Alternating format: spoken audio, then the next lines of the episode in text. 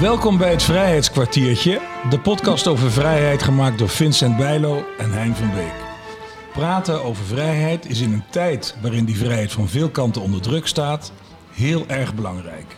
Dat doen we in ongeveer 40 afleveringen van een kwartier met allerlei soorten mensen.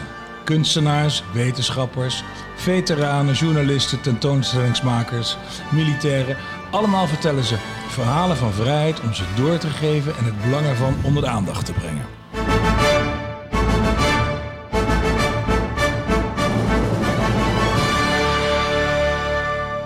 Vandaag praten we met Jan-Dirk Tuinier. Hij is directeur van de Stichting Vredeseducatie. Hij heeft lange ervaring op het gebied van educatie en leren op het terrein van vrede, conflict, polarisatie, diversiteit, burgerschap, identiteit en de geschiedenis van de Tweede Wereldoorlog. Dirk studeerde maatschappelijk werk in Ede, omgangskunde in Amsterdam en sociale pedagogiek in Nijmegen. Vredeseducatie vormt de rode draad in zijn werk. In 1992 richtte hij samen met Geu Visser de Stichting Vredeseducatie op. Dirk ontwikkelt op eigen initiatief of een opdracht interactieve tentoonstellingen voor scholieren en jongvolwassenen over maatschappelijke thema's voor instellingen en musea in Nederland. Ook in een tiental andere landen. Jan Dirk, Ja, hallo Vincent. vredige man. ja, meestal wel. Jij eh, maakt eh, in interactieve tentoonstellingen. Er is een tentoonstelling van jou die nu eh, door het land toert. Ehm, Kun je die om te beginnen eens beschrijven? Ja, dat is de Democratiefabriek. En dat is een, eh, een te- tentoonstelling waarin eh, scholieren eh, de democratie onderzoeken. Nou, ehm, hebben we dat zo opgezet dat ze helemaal zelfstandig daarin aan het werk gaan. Het is opgebouwd als een, eh, ja, als een fabriekje. Hè? Dus als iedereen aan het werk is, dan maakt het ook allerlei geluiden. Van dingen die vallen en dingen die gedraaid worden. Dus het is helemaal hands-on. Eh, kinderen en jongeren mogen overal aanzitten en moeten, moeten dat ook, omdat ze anders niet begrijpen wat ze moeten doen en wat ze onderzoeken. Het zijn, je moet je voorstellen dat het een stuk of 15 eh, grote kasten zijn eh, van metaal. En die staan op wielen en die zijn onderling verbonden met een buizensysteem. Zodat het ook een beetje oogt als een fabriek. Ja. En eh, ja, daarin zoeken ze, onder- onderzoeken ze dus democratie. Maar het geheim is eigenlijk, en daardoor is het zo succesvol ook in verschillende landen, is dat je eigenlijk jezelf met jezelf geconfronteerd wordt. Met je eigen verwachtingen, met je eigen ambities, je eigen wanhoop of, eh, of hoop of, en je eigen opvattingen over democratie. Dus je zit voortdurend, kijk je in de spiegel. En ja, ben je eigenlijk jezelf aan het ontwikkelen naar aanleiding van die maatschappelijke thema's. En dat, dat is het geheim van, eh, ja, van die tentoonstelling. Dat ik nu verklapte voor iedereen, maar dat is ook voor iedereen te merken en te ervaren. Eh, ja, zo, zo zit burgerschap eh, in elkaar. Als je je dat toe-eigent, hè, als je die democratie toe-eigent, ja, dan ben je, dan ben je sterk. Dan, ja, dan ben je gewoon goed bezig. Dat is Maar even concreet, want Ja. ik, ben, ik ben dus een kind dat daar bezig is aan die machines. Wat, wat moet ik doen allemaal? Nou, kijk, je hebt bijvoorbeeld. eh, we proberen kinderen te, die onderzoeken en jongeren onderzoeken. eh, artikel 1 van de Grondwet. En dat, daarin staat dat allen die in zich in Nederland bevinden. in gelijke gevallen gelijk behandeld worden. En dat is paradox, want we hebben allemaal, of heel veel. hebben we het gevoel dat gelijkheid is eerlijk. Dus ze moeten gelijk behandeld worden. Ja. Maar die, dat wetsartikel, dat geeft aan alleen in gelijke gevallen. En dat is een ingewikkeld ding voor kinderen en jongeren om te begrijpen. Trouwens voor volwassenen ook vaak. Want die zeggen, ja, dat moet gelijk behandeld worden, dat is toch eerlijk? Ja, maar je moet juist uitzonderingen maken. Je moet soms heel, heel vaak zelfs ongelijk behandelen. Bijvoorbeeld kinderen worden anders bestraft door de rechter dan volwassenen. En gehandicapten of mensen met een beperking hebben een, een parkeerplaats bij de supermarkt. Of er is een route voor hen uitgezet. Dus dat betekent dat je niet iedereen gelijk moet behandelen, maar dat je eh, in gelijke gevallen gelijk moet behandelen. Ja. En de overheid mag niet discrimineren. Nee. Nou, dat hele ingewikkelde spel van vraag en antwoord, dat doen ze met een soort knikkerbaan. Dus er staat, eh, artikel 1 van de grondwet betekent iedereen gelijk, altijd gelijk behandelen. Dan ga- pak je een knikker en dan doe je dat bij, bij eens. En dan gaat die knikker rollen door die, door die machine. En die komt bij een bakje en er staat, hé, hey, je hebt geen gelijk. Het is alleen in gelijke gevallen. Dan zeg je van pak je die knikker weer, dan doe je het bij eens. En dan zei hij, ja, dat klopt. Dat staat in artikel 1 van de grondwet. Dus dat is eigenlijk het belangrijkste artikel wat wij hebben. We hebben dat ook getest, want we hebben natuurlijk ook aan heel veel kinderen gevraagd aan het eind van het bezoek. hey joh, kun jij vertellen wat artikel 1 van de grondwet is? En dan is in de, de groot, eh, grote meerderheid van de kinderen kan leggen van ja, je moet gelijk behandeld worden, maar niet altijd. Want, en dan komen ze met die voorbeelden. En dat is gewoon ontzettend leuk. Dus het werkt. Het werkt, man. Ja. Ja. Wat leuk is dat. En hoe ontwikkel je zo'n concept eigenlijk? Ja, dat is eh, in de jaren negentig wilden wij een tentoonstelling maken over vrede, maar we liepen daar hopeloos in vast. Het is veel simpeler om een tentoonstelling te maken over oorlog, want dan heb je guns en wapens en foto's van vernietiging en bommen en halve granaten en uniformen en medailles en films en foto's. Het is ongelooflijk wat je, wat je hebt aan materiaal.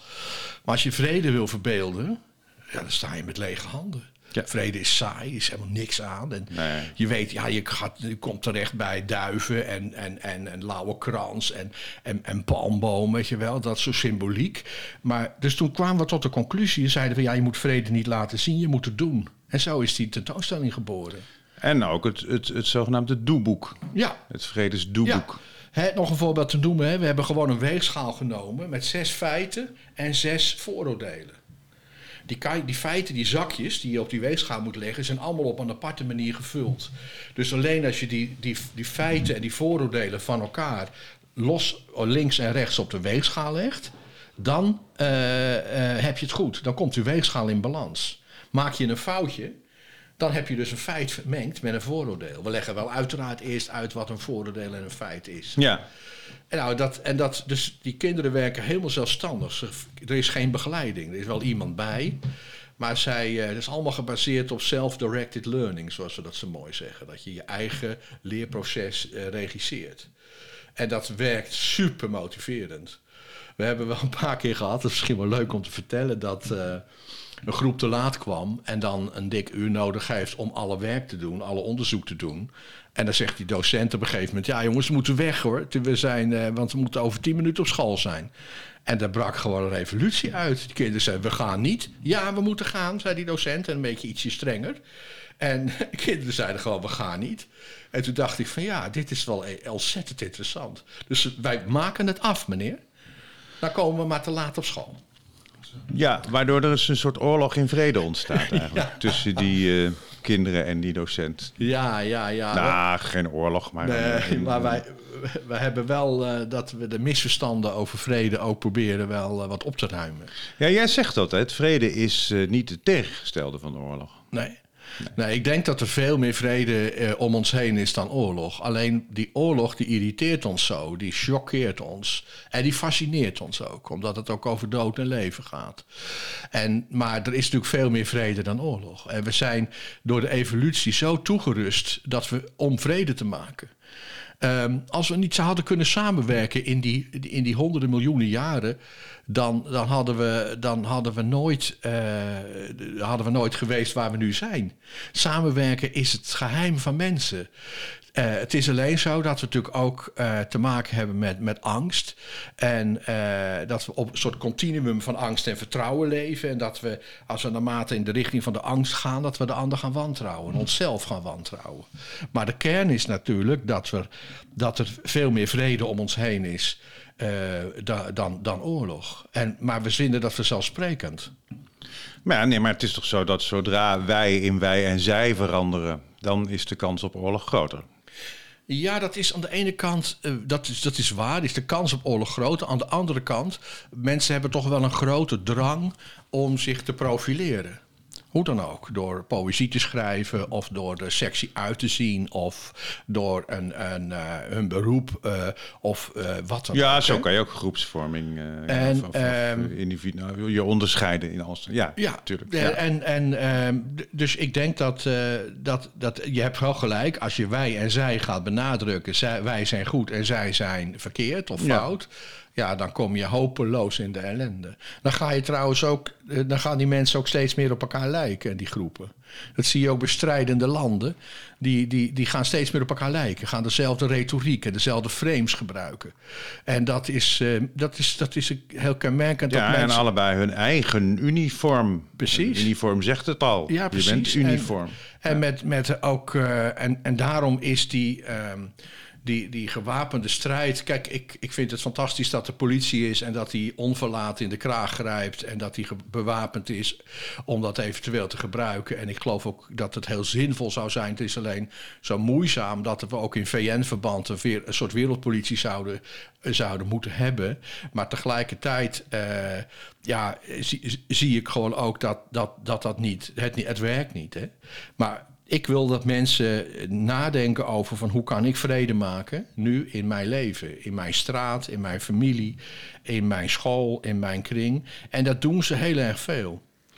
Ik ga, ik ga bij een school ga ik, uh, de uh, mensen interviewen die zich bezig hebben gehouden met vrede. Dat was het idee. Toen had ik docenten die hadden een uh, lijstje gemaakt met experts die voor de International Court werken in, in Den Haag of in de derde wereld hebben gewerkt. Of veteranen die gediend hebben in Afghanistan bijvoorbeeld.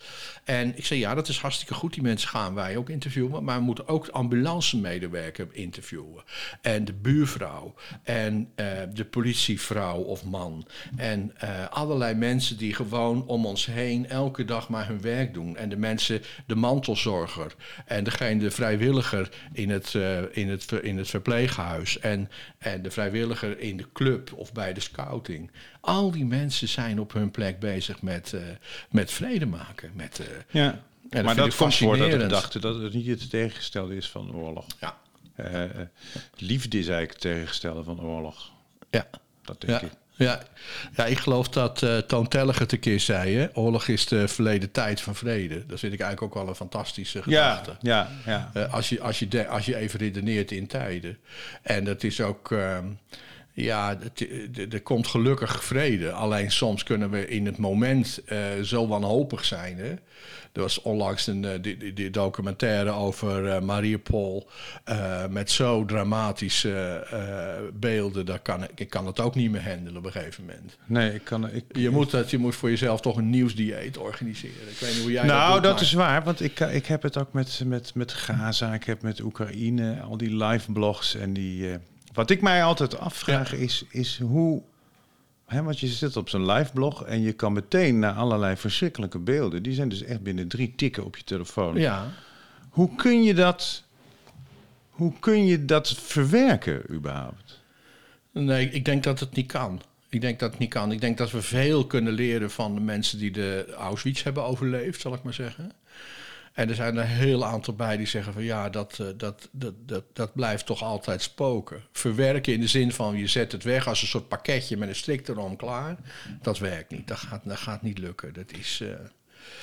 Nee, maar, maar je... ik vind in je, in je, in je dagelijksheid, hè, jij zit gewoon ergens in, in een café, je, je swipet over je telefoon en wam, daar komen die beelden van mensen die geëxecuteerd werden. Ik, wat doet dat met iemand uh, die dat ziet? Wordt die daardoor zo afgestompt dat hij, uh, dat hij als het ware zoveel eeuwig op zijn ziel krijgt dat helemaal niks meer binnenkomt?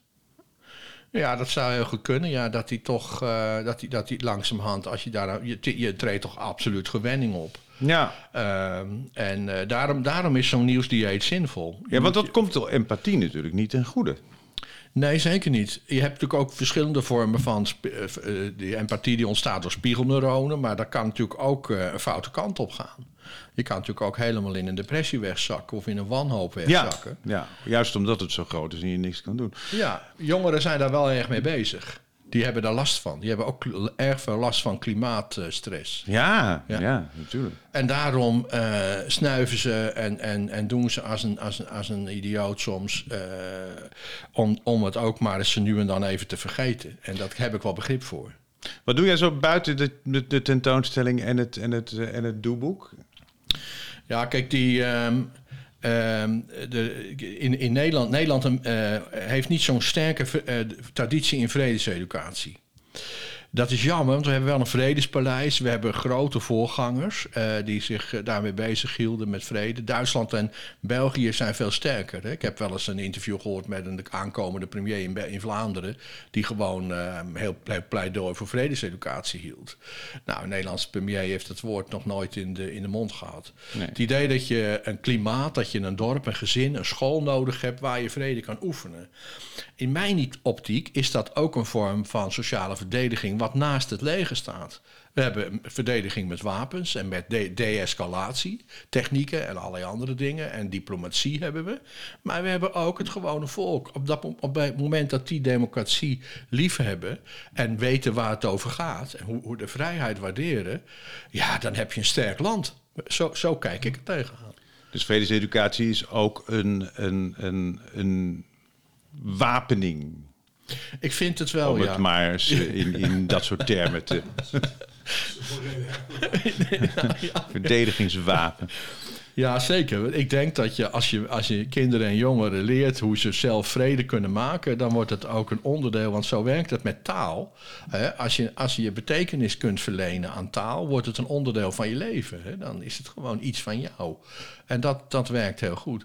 Dus eigenlijk ben ik, ik doe die tentoonstelling, ik reis ik met een tentoonstelling door België en Duitsland. Dus dat zijn best hele klussen. We gaan een nieuw doelboek maken. Uh, um, specifiek voor scholen. Um, en dat, de bedoeling is dat ook dat dat in het voorjaar uitkomt. En verder ben ik met nog allerlei uh, ja, klein grut bezig, wat ook wel zinvol is. Hè? Bijvoorbeeld, ik heb je geloof ik een keer verteld dat ik ook voor FC Utrecht werk. En ja, dat is natuurlijk ook ja, interessant. Daar begeleid je mensen met stadionverboden. Ja, ja, dat die, was ook een zeer indrukwekkend verhaal. Dat is, uh, dat is erg interessant, omdat die, uh, ja, weet je, in een stadion uh, tegenwoordig zeggen mensen, sporters, van nou, je mag eigenlijk niks meer. Als je een aansteker gooit of een, er wordt de boel stilgelegd of een plastic beker met bier. Ja, je, kun je, meer, je kunt meer dingen met bier doen dan alleen weggooien, maar de... Zonde om het weg te gooien, vind ik. Echt zonde. Maar dan, uh, ja, dan krijgen ze een taakstraf of een stadionverbod. Camera's die, uh, die noteren, die, zien alles. Dus, uh, en dan, als ze dan bij het Openbaar Ministerie terechtkomen, zouden die jongeren ook. ja, die, die, kunnen dan hun traject iets verkorten. Als ze meedoen met een programma wat ik met de fancoaches heb opgezet. En de Anne Frank Stichting. En dat is een dag in het stadion met een groep van 15 jongeren. Die. Um, die bijvoorbeeld ook kennis maken met een, uh, een Joodse supporter. Die gezegd heeft van ja, ik ga geen seizoenskaart meer nemen omdat ik uh, voortdurend uh, me, me onheimisch voel, beroerd voel als er anti-Joodse spreekkoren, antisemitische spreekkoren uitgeroepen, gezongen worden. Dus daar, daar, doe ik niet meer in mee. En dat hakte gewoon erg hard in bij. Ze. Ja, wat doet dat met die jongeren? Ja, dan zeggen ze, letterlijk zeggen ze dan van ja meneer, dat is één voor ons. En die door ons gedrag, door ons doen en laten, uh, uh, komt hij niet meer in het stadion. En, uh, maar goed, ze, ze, gaan ontdekken in een groepsinterview en in gesprekken en in activiteiten, wat ik dan de hele dag met ze doe, uh, dat, je, dat het niet zo zinvol is om je eigen supporters ook nog met homo uit te schelden. Of uh, voortdurend te, sch te, schelden met het woord kanker. Terwijl je, ja, er, iedereen in zijn omgeving wel mensen heeft die lijden aan kanker of er net aan overleden zijn. En dat doet zeer. Dat, dat is pijnlijk. Zeker als je ook kanker en joden nog gaat verbinden. Ja, ja dan. Uh, dus langzamerhand, stap voor stap gaan ze ontdekken van dat het, dat het, uh, ja, dat het eigenlijk uh, dat het niet moet. Maar ja. Weet je, zeggen ze ook, ik heb natuurlijk een, een biertje op en wel meer dan één. En dan, dan doe, roep je dat soort dingen makkelijker. En uh, ik leg ze ook altijd de vraag voor: ja, er is een soort uh, watch, een soort horloge, wat afgaat als je verhit raakt, als je enigszins agressief wordt. Dan vraag ik wel eens aan hen: van ja, jongens, zou dat wel voor jullie zijn? En dat, uh, ja, dan wordt natuurlijk eerst heel hard gelachen. En van, nou, dat, dat gaat niet werken, dit en dat. Ik zeg, nou, hoezo dan? En, uh, maar goed, dat, eigenlijk zou je een, uh, even gewaarschuwd moeten worden. Hè, wat je bij kinderen in groepen wel hebt. Hè. Ik zeg van, hé, hey, ga jij heel eventjes, heel even kleine time-out. Even ademhalen of even tot tien tellen of even tot vijf tellen. En dan, oké, okay, dan merk je van, ja, ik moet heel even rustiger aandoen. En ik niet tegelijk bovenop timmeren. Maar, maar dat, je hebt ook verteld dat ze, dat ze bijvoorbeeld als anderen naar rare spreekkoren inzetten, dat, dat er dan eh, eh, mensen doorheen gaan zingen om die te neutraliseren. Ja, ja, dat is ook een van de onderdelen van het programma. Dat we dan kijken van nou, hoe kan je dat nou verstoren? Ja, Jij zegt een mooi woord, neutraliseren. Ja. En dat gebeurt ook. Dat is, eh, ik liep een keer op Hoog Katerijn en toen kwam ik een stel gasten tegen. Die zeiden van, eh kwamen op me aflopen en die zeggen... hé hey, meneer, hallo, dit en dat, hoe gaat die? En eh die zegt, hé hey, jongens, hoe gaat dat nou in het stadion? Hè? Toen zeiden ze van, nou, het werkt meneer, zei er een. En die begon te lachen. Ik zeg, hoezo? Hij zei, nou, er werd een eh, antisemitisch lied ingezet. En toen hebben wij met een aantal gasten zijn we dat andere lied gaan doen. Wij hadden wel een trommel, dus we konden wel, we hadden wel een drummer erbij. Dus dat was ook in die zin ietsje makkelijker. En dat, dat gingen ze overstemmen. Maar kijk, het- is, dat is heel belangrijk. Dat je ontdekt van, hé, hey, ik kan er wat aan doen. Weet Ja, je wel? Want de meeste mensen, ja, die laten het maar gewoon gebeuren. Of die denken van, ja, ik kan er toch niks aan doen. Maar in je eentje kan je het niet. Maar als ik aan jou vraag en ik aan jou vraag... en hé hey jongens, hebben jullie dat gezien? We ga- zullen we het samen doen? Ja, dan ben je zo sterk. En dat, dat oefenen we ook met die gasten. Ja, En dat ja. is ontzettend leuk om te zien hoe dat, eh, hoe dat werkt. Hein, Ja, ja, ik, eh, ik vind het een, op zich een prachtig verhaal. Ehm, wat doen jullie? Kijk, als je kijkt op scholen. Ja. Je hebt groepsgedrag hè, en een kind Ja. voelt zich door de groep in de hoek gedrukt. Ja. Eh, Pakken jullie dat aan? Want dat is eigenlijk vaak de wortel van de ellende. Ja. Groepsgedrag, lekker makkelijk. En eh, Ja. Jan heeft pukkels en een dikke bril. En, Ja. eh, Ja. Ja, zeker. Dat, eh, daar hebben we van alles voor. We hebben bijvoorbeeld ook in de, in de tentoonstelling, in de Democratiefabriek, hebben we een onderdeel. En dat gaat over het zondebokverschijnsel. Vrij uitvoerig. Dat zijn wel een stuk of tien werkvormen. En daarin ontdek je dat er verschillende groepen zijn in dat groepsdynamische proces. Dat wat trouwens universeel is. Dat betekent dat het van alle tijd en alle plaats is. Hè? De, dat zondebokverschijnsel. Zie je in alle culturen. Ehm, eh, en dat, ze, ontdekken dat er, een, eh, dat er een pester is en een meeloper eh, of een, een, bijsta bijstaander, bijstander, ik wou het een beetje verengelsen. Doe ik eigenlijk nou niet meer. En de zondebok, het slachtoffer. En ze leven zich in in die drie groepen. Waarom pest die? Hoe is dat gekomen? Waarom doen de meelopers niets? En daar zit dat element ook in wat ik net beschreef in het stadion. In je eentje durf je het niet te denken. Morgen pakken ze mij als ik er nu wat van zeg. En ik doe maar niks. Of kijk de andere kant op. Of doe maar net of ik het niet zie. Ehm, en dan ehm, eh, gaan, verdiepen ze zich ook in het slachtoffer. Van nou, wat maakt die mee? En de vraag is dan, hoe kan jij dat slachtoffer helpen? Ja. En dan, ehm, dan, dan eh, hebben ze een, een soort ranking met zes opties. En dan kan je naar je ouders toe, of je kan posters maken tegen pesten, of je kan. En weet je wat er heel vaak op één staat? En die, en die opties heb ik ook van hen. Ik heb duizenden van die briefjes verzameld en toen die ranking gemaakt. En die moeten ze zelf maken, maar toen die opties bedacht.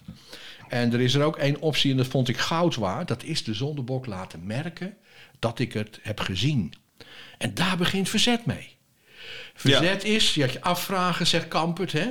is dit normaal? Is, dit is toch niet normaal, zeg je dan? Is dit normaal? Nee, dat is een goede vraag. En dat je zegt van, hé, hey, ik durf nog niks te doen tegen die pesters. Die zijn te machtig, ik ben in mijn eentje en morgen pakken ze mij. Maar ik laat het slachtoffer merken, hé, hey, gozer, gast, ik heb jou gezien. Ik heb gezien dat ze jou pesten. En ik broed erop, eh, ik, we gaan er wat aan doen. En dat vind ik heel erg knap. Dat is eigenlijk de geboorte van, eh, van verzet. Ja. ja, verzet begint niet met, met grote woorden, maar met kleine daden. Ja. Met het ritselen van een blad. Ja, Ja, het is mooi gedicht. ja echt mooi. Prachtig gedicht. Ja. Eh, We moeten het nu alweer afsluiten. Ja, ja. Ja joh, het is verschrikkelijk. Maar wij zijn ook besloten om samen een podcast te gaan Ja, maken over ja, al joh, dit, soort, is, eh, eh, dit soort zaken. Dat En, is ontzettend eh, leuk, eh, Vincent. Dat Dan is ik, dit daar een, een soort begin van. Mag ik jou eh, voor, voor nu eh, enorm bedanken. Graag gedaan. Jan, Dankjewel. Dirk, Graag gedaan. Dirk, Jan, Dirk. Jan. Dit was het Vrijheidskwartiertje gemaakt door Hein van Beek en Vincent Bijlo. Muziek Kilian van Rooij. Deze podcast is mede mogelijk gemaakt door een bijdrage van het V-Fonds, Stichting Nationaal Fonds voor Vrede, Vrijheid en Veteranenzorg, de provincie Gelderland, Stichting Vrienden van Boei, Stichting Nationaal Erfgoed Hotel de Wereld en Hotel de Wereld zelf. Mocht je dit een interessante podcast vinden, deel hem vooral, geef reviews en geef sterren. En alle info tref je aan op vrijheidskwartier.nl.